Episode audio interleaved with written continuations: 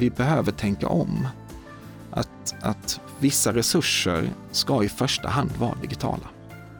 Det är så vi tillgängliggör dem för alla. Det är så vi når jämlik vård. Årets chef är en eldsjäl som byggt upp en ny verksamhet helt digitalt i Skåne. Och det är invånarna som visar riktningen. Det menar entreprenören Patrik Göransson som gärna lyfter luren till nya kontakter när han behöver hjälp. Jag heter Anna Strömblad. Det här är Region Skånes chefspodd om hur vi leder tillsammans för framtiden.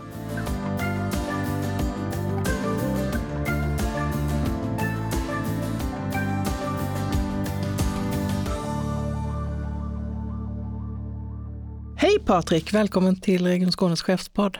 Hej! Du jobbar i nordvästra Skåne, i Ängelholm och är chef i arbetet kring innovation och utveckling där. Och jag vill faktiskt börja med ett stort grattis till dig. Tack så mycket. Ja, för du har nämligen fått årets ledarskapspris i Region Skåne. En åtråvärd titel får vi väl säga och dessutom i konkurrens med väldigt många chefer. Man får ju komma ihåg att Region Skåne är Sveriges femte största arbetsgivare och vi har över 1500 chefer. Jösses. Hur kändes det? Eh, ja, det var väldigt överraskande. Eh, och eh, initialt var jag lite arg. Eh, eller arg var jag inte, men eh, vi hade ju laddat upp väldigt mycket för det här eh, studiebesöket från eh, personalnämnden var det som kom på studiebesök. Jag och mitt skyddsombud där vi tänkte att nu får vi verkligen lägga fram eh, vad vi har tyckt var viktigt och vad vi vill stå för och vad vi tycker att man borde jobba med. Så vi gav ju dem en en omgång på 45 minuter. Eh, och sen så mynnade det ut i den här lilla överraskningen. Eh, så det var ju det initiala, men, men, men hade ni tänkt att lyssna på det här? ja, du blev arg för att du tänkte att de bara kom dit för att ge dig pris? Ja. Ja, så det var helt oväntat? Det var helt oväntat. Mm. Vi trodde till och med det var någon form av tillsyn. Eh, vi har haft en hel del media kring Eh, det vi gjort och det vi gör eh, på senaste tiden. Eh, så min verksamhetschef hade presenterat det som ett med att ni har synt så mycket så vill man höra sig för och veta lite hur ni jobbar och hur ni, hur ni gör med, med, med distansarbete och liknande. Men vad, vad innebär utmärkelsen för dig? Ja men den innebär nog, alltså när, när, när det sen fick sjunka in och, och, och, och jag kanske, då var jag inte arg, eh, då var jag mest paff. Eh, men för mig innebär det att vi verkligen har lyckats bygga ett team. Eh, för det här är ju personalen, om jag förstått det rätt, som nominerar. Och det är ju ett kvitto på att folk trivs och att man tycker det funkar tillsammans, att man kommit någonstans och att man känner att man har fått ett bra stöd i det och att jag har varit ett bra stöd i det. Så du, du landade ändå i någon slags glädje då? Ja, men eh, faktiskt glädje och eh, också lite stolthet, eller rätt mycket stolthet, men jag sen fick ta del av själva nomineringen och läsa den. Eh, för där, jag tror jag skrev ett sånt här LinkedIn-inlägg om det också, därför att det som, som sades där är ju det jag har fått från de chefer jag har sökt mig till eh, genom livet. Eh, och, och eh, om jag på något sätt eh, speglar deras ledarskap, om jag liksom har fortsatt på samma sätt, eh, så är jag väldigt, väldigt stolt. Mm. Mm. För du eh, är ju alltså chef för den digitala cancerrehabiliteringsmottagningen i Skåne. Mm. och du har jobbat med att driva fram den här, inte minst under pandemin. Och så jobbar du dessutom med projekt kring tidig upptäckt eh, och behandling av benskörhet, mm. osteoporos. Vi ska prata lite mer om det här och det du gör, men, men du berättar ju här att, att känslorna svallade lite får man väl säga då, från, från eh, ilska kanske, nej, men ändå eh, till att du blev paff och, och, och väldigt eh, glad och stolt. Eh, är du en känslomänniska? Ja, det, eller ja, eh, oj, det var ett konstigt svar, men jo, eh, eller jag är passionerad får man väl säga. Eh, det är jag definitivt. Eh, engagerad och passionerad. Eh, sen vet jag inte om jag är så himla tydligt en känslomänniska i, i, i den bemärkelsen att jag styrs av mina känslor, utan jag styrs nog mer av lust i så fall. Vilka är dina främsta lärdomar skulle du säga under dina år som eh, chef och ledare? Min främsta lärdom är nog det, och det har jag nog mycket utifrån mitt, eh, jag är psykolog i botten eh, och har jobbat mycket med psykologisk behandling. Eh, och det är nog att börja i den änden att någonstans hitta sin riktning. Och inte bara min personliga riktning, vad som är viktigt för mig, utan att bygga ett team eller ett lag från början, att man verkligen tar sig tid att sitta och prata igenom och dra ut linjerna för vad är viktigt för oss? Hur vill vi vara mot varandra? Eh, hur vill vi vara eh, gentemot våra ska vi kalla det kunder eller patienter eller liksom de människor vi, vi arbetar för på något sätt. Och hur vill vi vara mot andra verksamheter och rita upp det där ganska tydligt. Eh, för det där blir lite vår kompassen när vi ska jobba ihop och stå, emot, stå ut i motgångar och möta hinder och svårigheter och, Eh, och också någonstans kunna känna att vi är på rätt väg när vi, när vi tar ett steg vidare och när vi får igenom någonting och när vi sjösätter en verksamhet så vill man veta att det går i rätt riktning. Så det är nog min största lärdom och någonting jag har blivit bättre på. Är, man har ganska bråttom i början ofta, särskilt i, i början av karriären att ja, men nu måste vi komma igång och nu måste vi göra det här. Att där är det viktigt att vänta in och göra liksom det grundarbetet ordentligt.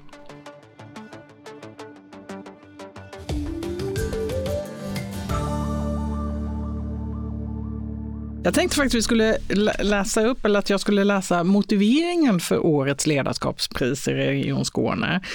Eh, för det låter så här. Genom sitt ledarskap har Patrik förmedlat en vision där ribban ligger högt, att skapa en nationellt ledande rehabiliteringsprocess, men faktiskt också backat upp denna vision genom med att ge medarbetarna verktyg, frihet och medel att omsätta visionen i praktiken. Vår förhoppning, och det är ju personalnämnden då, eh, som säger detta, är att den här satsningen kommer revolutionera utvecklingen och tillgängliggörandet av cancerrehabilitering, inte bara i Region Skåne utan i hela Sverige. Är det viktigt för dig? Ja, det är det. Det är ju det jag pratade om innan, just att vara, vara någonstans värdestyrd. Eh, att, att ha det där riktningen, vart vi ska gå. Och jag skulle kunna tänka mig gå ännu längre än så att det är inte bara cancerrehabilitering utan rehabilitering och, och eh, inte bara Sverige utan hela världen? Eh, ja, där är vi ju lite nu. Eh, vi jobbar ju tillsammans med Danmark och Polen och Tyskland och Litauen också kring delar av det här nu. Ehm, och det finns ju många goda exempel att ta efter, både i Sverige och runt om i världen. Men just någonstans det här en proaktiv, personcentrerad vård, att, att vi behöver någonstans Eh, vrida om och tänka om och det här är ett steg i den riktningen. Så att ha de här eh, visionerna, eh, det blir ju någonting som man hela tiden, vartenda litet steg, varenda grej man gör kan man stämma av. Går det i den här riktningen? Eh, eh träffar vi med den här insatsen eller den här ansträngningen eh, mitt i piltavlan eller kommer vi lite längre ifrån? Och går vi kanske i rakt motsatt riktning? Är det här någonting vi behöver släcka, eh, släppa tav, taget om? Eh, någonting vi kanske inte heller gör tillräckligt ofta, att vi, vi bestämmer oss, nej det här funkar inte, då slutar vi göra det. Så att man inte bara bygger på med saker som man ska klara av att göra. För det var där vi fick börja också. Vi fick eh, styra om vår befintliga verksamhet och faktiskt släcka ner saker eh, och möta det det väckte. Hur kom det sig, eller kan du berätta mer om det? Ja, men det kom sig från att eh, när jag började i Helsingborg då eh, så kom jag ner med ett ganska speciellt uppdrag om jag får eh, säga det själv. Eh, jag skulle vara enhetschef för en verksamhet som inte fanns än. Jag skulle vara verksamhetsutvecklare och jag skulle också vara klinisk psykolog. Eh, jag hade medel för max tre tjänster. Och utifrån det så skulle vi bygga upp ett cancerrehabiliteringsteam som skulle finnas över hela Sund, det hette förvaltningen då. Det var Helsingborg, Ängelholm, Landskrona och Trelleborg.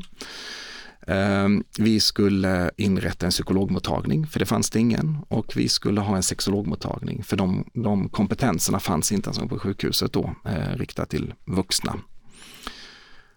Och göra det med max tre tjänster eh, som det fanns budgetram för, det, är lite knepigt.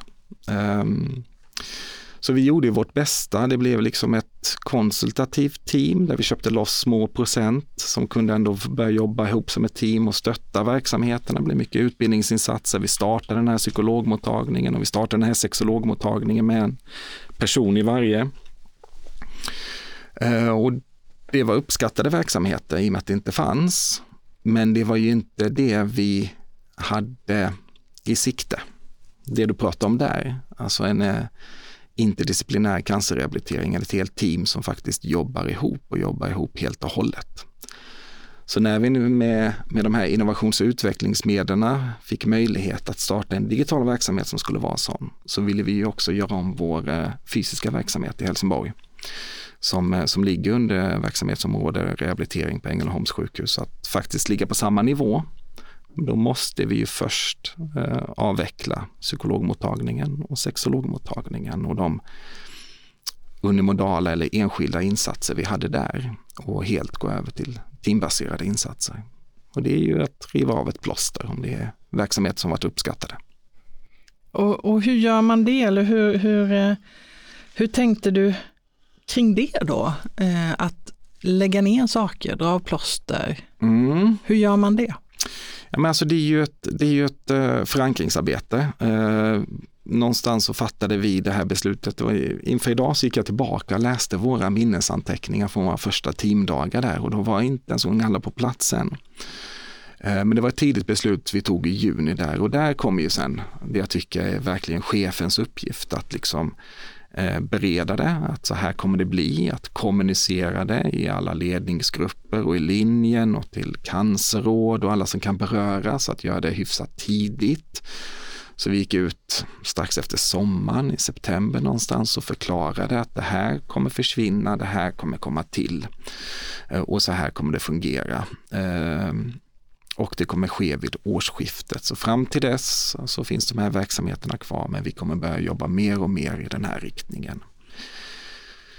Mycket mer än så kan man inte göra och sen så har vi fått ta hela det här året i att, i att hantera och, och det är just det här också att tänka på det vi pratade om med bemötande. Hur vill vi vara mot andra? Ja, men det kommer ju, vi möter ju då eh, de som vill kunna remittera i utifrån hur det fungerade innan och inte riktigt förstår. Och då är det, då är det alla svårt jobb att bemöta det på rätt sätt och förklara och visa på de nya möjligheterna samtidigt som det är någonting som har försvunnit också. Någonting som kommer behöva komma tillbaks. Men det är inte vårt ansvar. Ehm, eller delvis är det lite mitt ansvar i och med att jag också är patientprocessledare i Nordväst eh, för cancerrehabilitering, lokal patientprocessledare. Så då jobbar vi med vårt cancerråd och ser över hur ska vi få den här liksom mellannivån eller särskilda nivån att fungera. Och du började ju i Nordväst, eller i, redan i, i, i, Sund som det hette då, och i Nordväst med Helsingborg och Ängelholm. Eh, och drev ju arbetet först lokalt, men nu för hela Skåne. Ja, vi hade ju den lilla eh, lokala verksamheten, den jag beskrev eh, från början, eh, när eh, pandemin eh, störtade in. Eh, och det var, när kom pandemin? Den kom 2020 va? Ja, just det mitt i det, så inför 2021 så flyttade vi också verksamheten eh, till att eh, byta verksamhetsområde. Vi hade vandrat runt lite i eh, sjukhusorganisationen. Vi började som en del av kirurgen, vi fortsatte som en del av ortopeden eh, och eh, nu slutligen så har vi verkligen landat hemma i, i det område vi jobbar när vi flyttade över i verksamhetsområde rehabilitering och blev en del av Ängelholms sjukhus då. Eh, så den resan gjorde vi eh, samtidigt och parallellt. Samtidigt som vi lyckades under pandemin, eh, i och med att vi har alltid haft det här rättesnöret, vilka vi ska vara tillgängliga för och varför, att, att ja, vår verksamhet var inte prioriterad vad gällde att, att få resurser och, och vara tillgängliga under pandemin och hur vi skulle förhålla oss till de riktlinjerna, utan det var mest att nej, ni får inte träffa patienter eh, rehabilitering är inte det riktigt den hö högsta prion där, utan det var ju prio rädda liv. Eh, så vi fick ju ändå möjlighet att, ja men då måste vi göra på något annat sätt. Och då tog vi till digitalisering och var väldigt snabba redan under våren 2020. Hade vi ställt om eh, och körde gruppbehandlingar digitalt och kontakter med patienter digitalt och lärde oss väldigt mycket och var väldigt sugna på att ja, det, här, det här har ju öppnat helt nya möjligheter. Många pratar ju om eh, de här digitala kontakterna som ett komplement. Men jag tror nog att om vi ska vara visionära så kanske det är de fysiska kontakterna som är lite mer av ett komplement. Om vi ska tänka på den form av vård vi erbjuder, alltså på ganska hög specialiserad nivå, alltså interdisciplinära arbetet.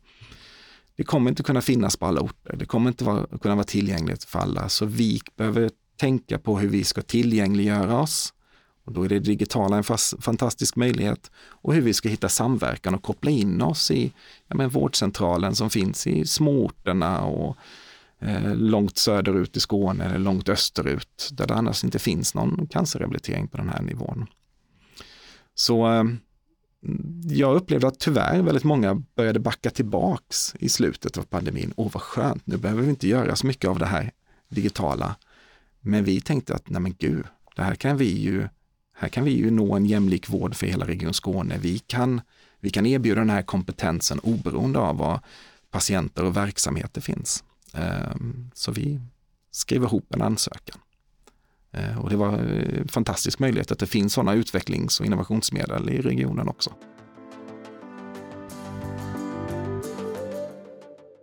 Hur ser du på det här arbetet? För det, det är ju en, en, förflyttning som, som ni har gjort och som pandemin egentligen lite öppnade fönstret för som du beskriver. Hur, hur vilka möjligheter ser du med det här? Hur, hur kommer det här att bidra till framtidens hälso och sjukvård? Alltså pandemin öppnade inte bara lite, för vi ville göra en hel del av det här redan innan pandemin, men då fick vi, fick vi ofta svaret att nej, men det får man inte och det går inte. Och nej, vi kan aldrig ha en gruppbehandling online. Det kommer aldrig, aldrig tillåtas. Och sen kom pandemin och nu är väldigt mycket möjligt. Um, nej, men jag, jag, precis som jag beskrev lite tidigare kanske, eh, det här att jag tror att vi behöver tänka om att, att vissa resurser ska i första hand vara digitala. Det är så vi tillgängliggör dem för alla, det är så vi når jämlik vård. Idag så tänker vi ofta att de ska finnas fysiskt och då får vi liksom hitta, man pratar om att vi måste någonstans nivåstrukturera, ja, då blir det att vi kan ha den här nivån kan vi ha på ett ställe i Skåne. Och då blir det ju de någonstans som är mest resursstarka som kan dels skrika högst och se till att de får det, men också ha faktiskt kapaciteten att ta sig dit eller ha någon närstående som kan stötta att man tar sig dit. Um, och det är inte jämlik vård i mina öron. Om vi tänker, istället tänker att hur ska den här nivån av vård kunna bedrivas genom andra? Genom att kunna docka in sig eh, digitalt. Alltså hur ska, hur ska vårt team hitta en tillgänglighet och en aktiv samverkan så att den kan stärka upp eh, en vårdcentrals kompetens till exempel. Vårdcentralen har ju liksom det grundläggande rehabiliteringsansvaret om man ser utifrån ett livslångt perspektiv. Eh, rehabiliteringsteamet kommer alltid in under en tidsbegränsad period och då är det ju liksom att stärka upp det som ska finnas där hela tiden. Eh, det som är viktigt. Och där ser jag att där har vi framtiden, att vi måste tänka hur kopplar vi in oss, hur kopplar vi ihop oss, hur, hur skapar vi tillsammans? Ehm, aktiv samverkan kallar vi det. Vad säger de som behöver rehabilitering? Är de eh, invånare som har, har fått möjlighet att delta eh, eller blivit involverade i ett arbete? Hur, eh, hur, hur tänker de kring det här? Hur har de sett på möjligheterna?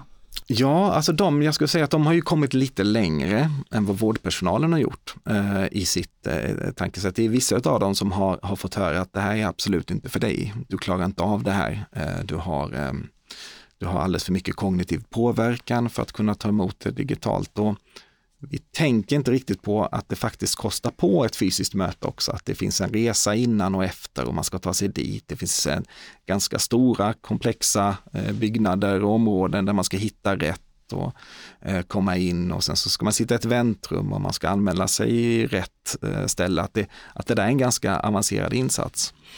Så många beskriver ju att nej men det här är ju, det här hade inte kunnat bli av för mig om inte det hade varit organiserat så här, om det inte hade funnits digitalt. Därför att här kan jag anpassa det mer utifrån mitt liv och mitt livspussel.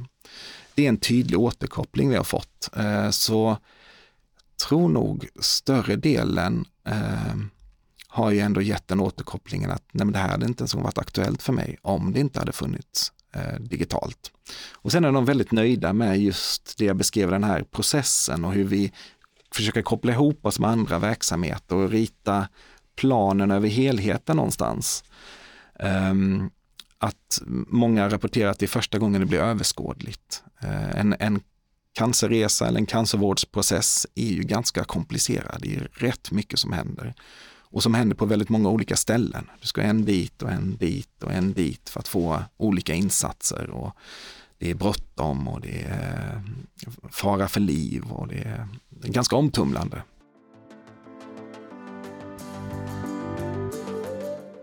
Du har ju medarbetare med, med olika bakgrunder från olika professioner med många olika yrken. Hur får du alla att dra åt samma håll?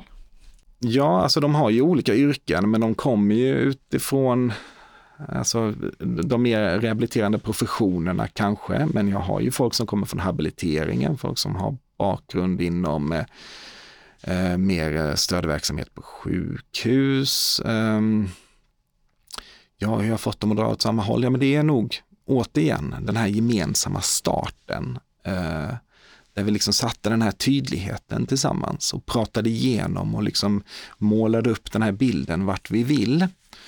Och det har jag märkt att eh, de som har tillkommit efterhand, så både redan på intervjustadiet har vi gemensamt kunnat presentera det så himla tydligt. Och det har varit så lätt för folk att slinka in sen eh, som en del av teamet.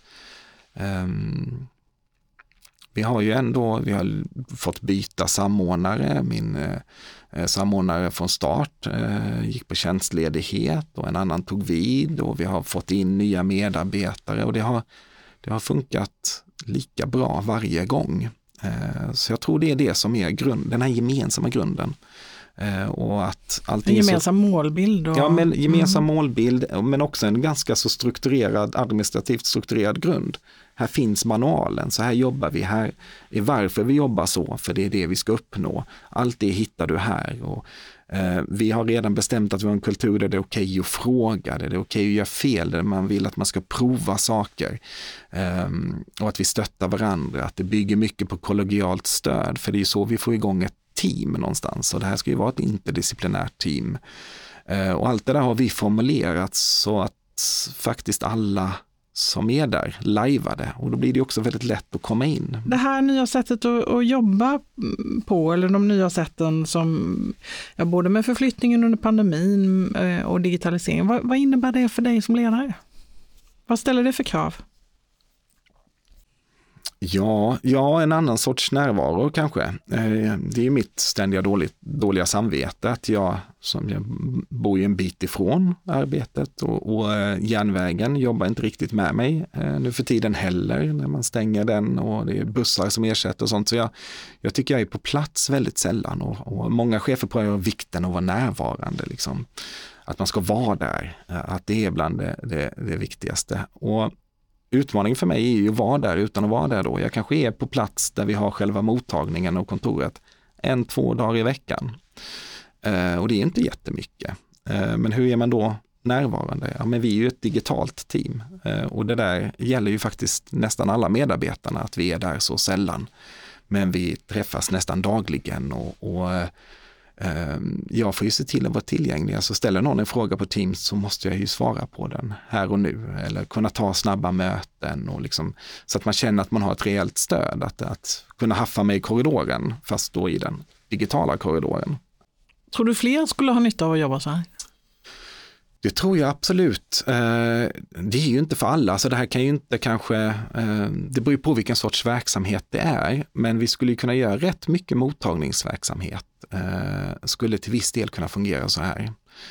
Ehm, jag tänker mycket där vi liksom möter och hanterar långvarig kronisk sjukdom. Ehm, att det skulle kunna frigöra och tillgängliggöra väldigt mycket om en del jobbade så här.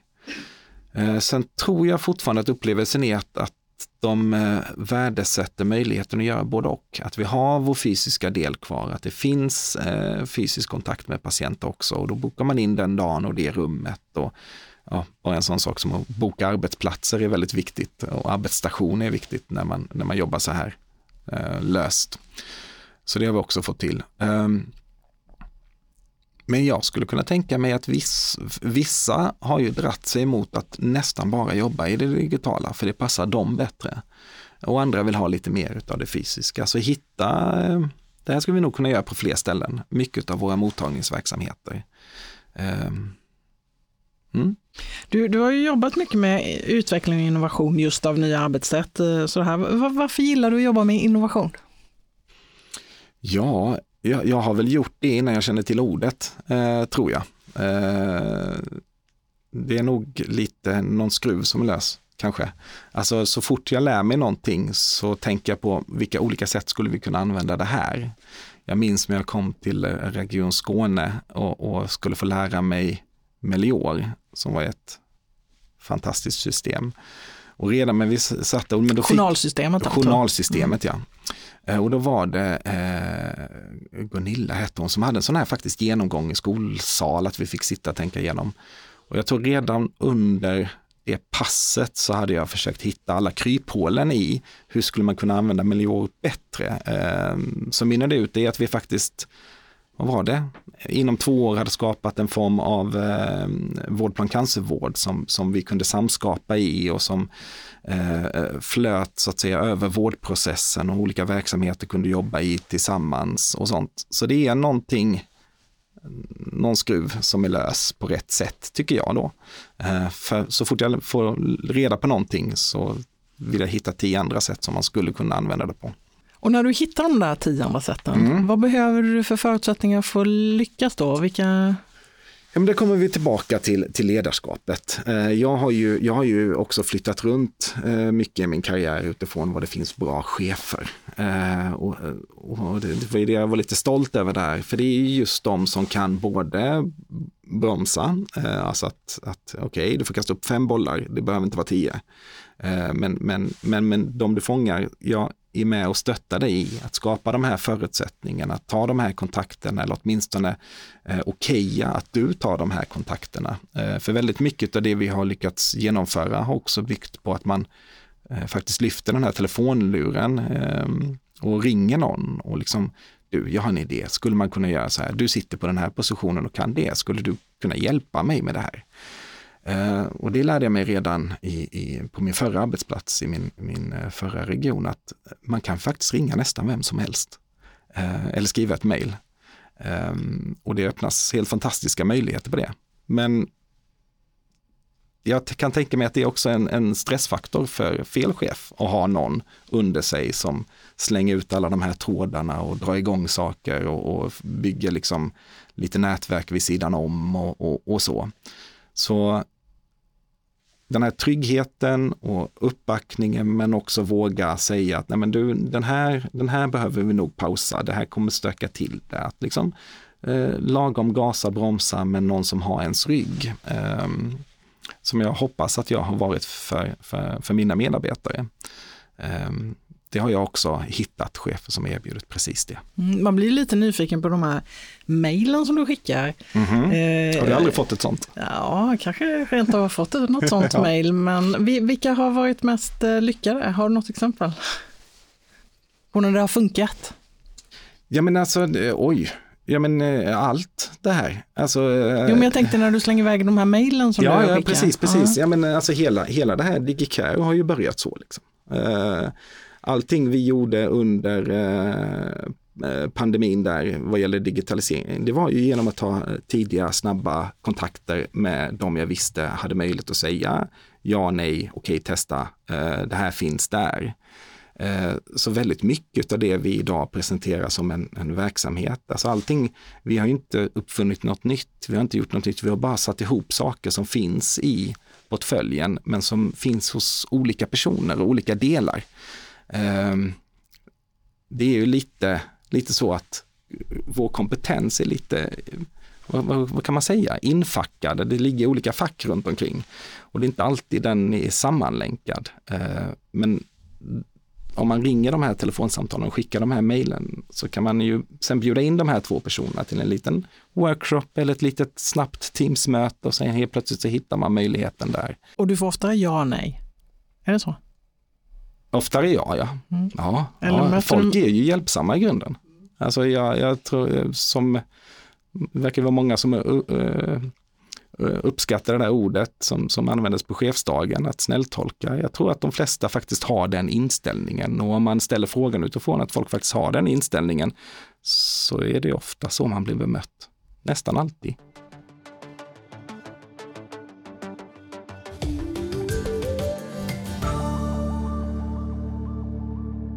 Jag tänkte att vi skulle köra några snabbfrågor. Är du beredd på det? Eh, Snabbfråga, är det ja, ja eller nej då? Eller, Ja, du får, eller välja, typ? du får välja helt enkelt. Mm. Ja, precis. Eh, så inga långa utläggningar såklart. Men då tänkte jag höra lite med dig. Cykla eller springa? Oj. Nej men eh, cykla gör jag ju så mycket till vardags för att transportera mig, så springa om man ska lyxa till det lite. Lyx är att springa. Mm. Vatten eller öl till maten? Öl, Öl, den kom snabbt. jajamän. Jag har till och med hört att du kombinerar det där med att springa och öl, är det så? Ja, det kan jag eh, varmt rekommendera. Belovers maraton i Liège, Belgien. Det är en eh, ölmaraton. Mm. Slö solsemester eller slalom i fjällen? Slalom i fjällen. Tåg eller bil? Tåg. Dagligen. Ja, när, den, när tåget går då? Nej, men jag sitter där ändå, jag kan ju jobba på distans. Va? Mm, härligt. Deckare eller avhandling? Att skriva eller läsa. Ja, du kanske du, du kan få välja. Ja, men då läser jag en deckare och skriver en avhandling. Ja, vad har du på nattduksbordet? Eh, Jag får inte läsa i sängen för min fru lägger, lägger sig tidigare. Eh, Men jag läser just nu eh, sjunde boken, en sån här geobok. Den som dödar drömmar sover aldrig, tror jag den heter. Mm. Tv-serie eller film? Och jag är jättebra på att sluka tv-serier. Men ska man verkligen lyxa till det så en film. Ja, vilken, är, vilken film såg du senast? Oj, Eh, det var något med Nej, vi, ja, med barnen. Eh, Jag såg en Netflix-film som hette Bird Box, tror jag. Eller någon liten sån här skräckfilmaktig som jag såg med dottern. Mm. Lite tips kanske? Ja, men den, eh, jag tycker den var, var ganska bra. Det var så här världens undergång-film. Mm. Eller postapokalyptisk. Mm. Jag tänkte det här är ju, är ju frågor som handlar ja, lite mer om, om, om vad, kanske vad, eh, vad, du har, vad du gör vid sidan av jobbet. Men om vi ska, om vi ska prata om dig som person så, så beskrivs du och du beskriver dig själv som en eldsjäl. Vad betyder det för dig? Oj, eh, ja, men det betyder att, att jag vill spendera tid på saker som ger någonting tillbaka, som jag brinner för. Alltså det, det jag kan känna att jag kan göra skillnad och att det är meningsfullt och att det går i någon riktning. Eh, så i den månen är jag väl en eldsjäl och jag vill vara eldsjäl på jobbet likväl som jag vill eh, vara det i fritidsengagemang. Eh, annars vill jag softa. Du, du eh, kallas ju också för entreprenör av eh, kollegorna. Vad, vad, vad tänker du om det?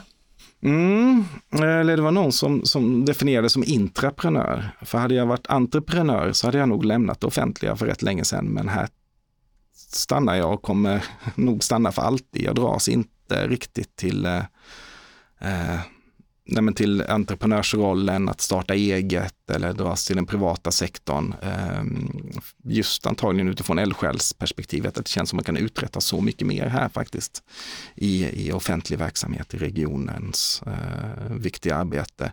Så en intraprenör, ja men det är väl att, att jag har ett driv att skapa och bygga nytt och att faktiskt omsätta det i praktiken och, och också ha kommersialiseringsperspektivet, alltså det ska vara kommersialiserbart. Eh, och i vår värld, det ska liksom vara användbart. Det ska gå att driva och omsätta, eh, finnas kvar på något sätt. Det ska vara faktisk verksamhet som bär sig. Inga, inga tomtebloss? Nej, nej, jag försöker undvika dem eh, faktiskt. Mm, Även hur, om jag hur... nog har skapat en del, eh, har jag väl varit medskyldig till också. Men det här att du är, att du är eh, psykolog, på, på vilket sätt har du haft eh, användning för det som ledare?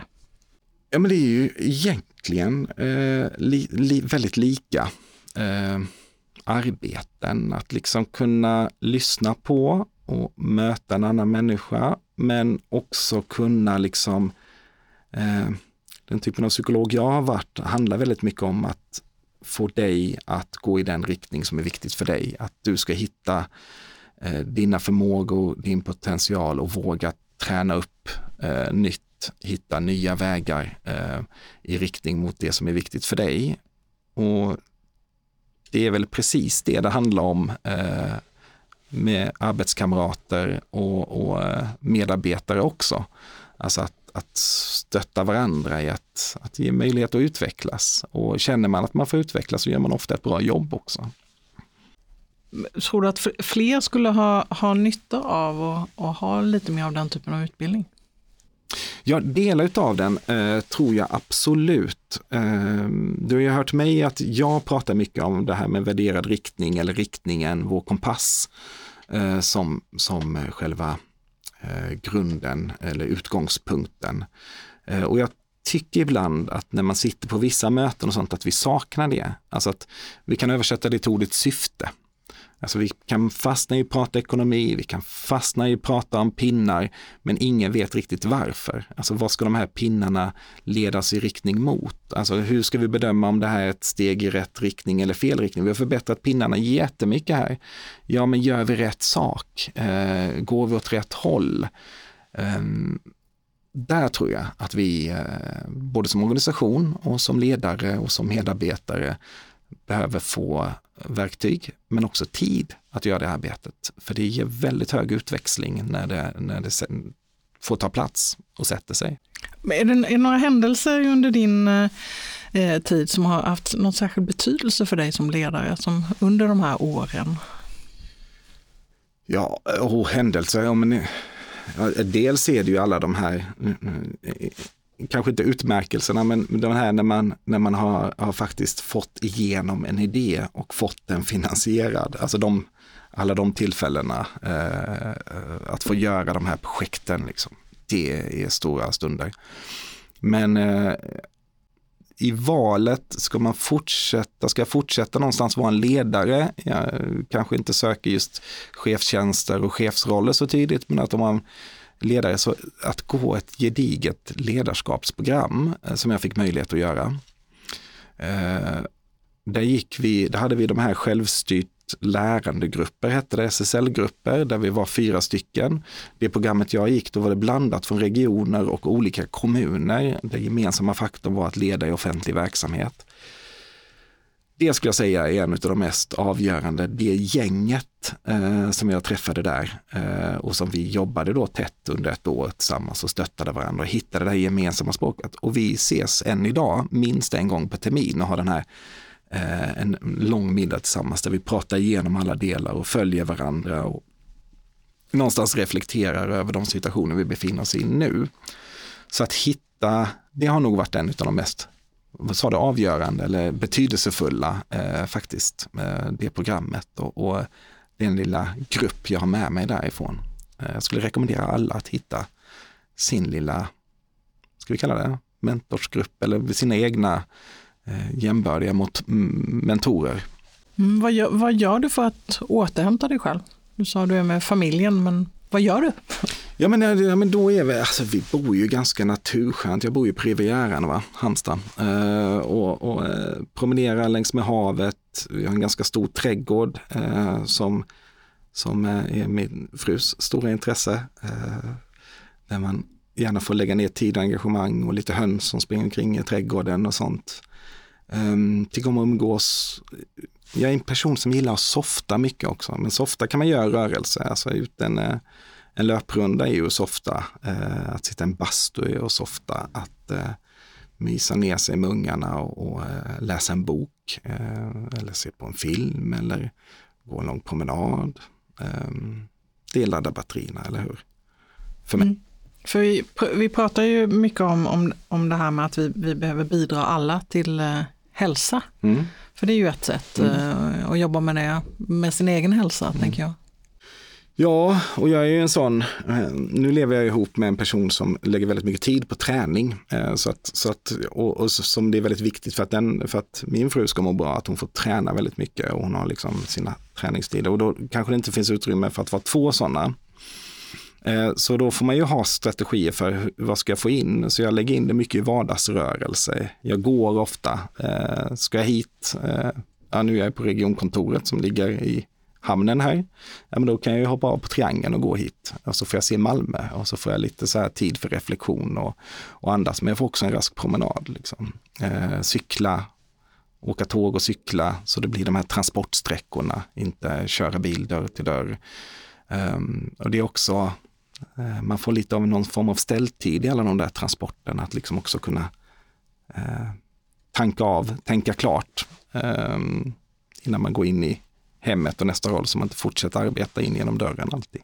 V- vad tänker du krävs för att vi ska bli bättre på det själva, att bidra till vår hälsa? Jag tänker inte alla som kanske går av i triangeln får gå till eh, Västerhamnen. Nej, det är det ju kanske inte. Hur, hur kommer man dit? Ja, vi, vi är nog baske mig tillbaka på det där med liksom att få ta ut riktningen. Ehm, alltså jag, jag värdesätter så mycket den lilla egentid som man får extra av att ta en 20 minuters promenad istället för att kasta sig in ehm, och, och lyssna kanske på en podd eller göra någonting eller att ta sig ut och klippa gräset är också en, alltså kombinera saker. Ehm, men återigen, vart hän bär det? Varför gör jag det liksom? Ehm, för jag vill ju också komma hem, eller hur? Ehm, det är också min värderade riktning. Men jag kanske behöver, i vilket skick kommer jag hem? Den här 20 minuten kanske ger ytterligare ett mervärde i att jag kanske har lite mer tålamod när allting ligger innanför dörren, när man kliver in och köket ser ut som en bomb har släppts. Liksom att, ja okej. Bara för att jag tog den här lite längre tiden på att transportera mig hem ehm, så har jag också landat lite och kan möta det bättre. Vad ska du göra resten av eftermiddagen? Jag ska börja inleda resan hemåt, så jag ser fram emot en två timmars eh, tågresa ungefär har jag hemåt. Eh, Jag ska ta en promenad genom Malmö eh, för att hitta, det blir till Malmö central på hemvägen.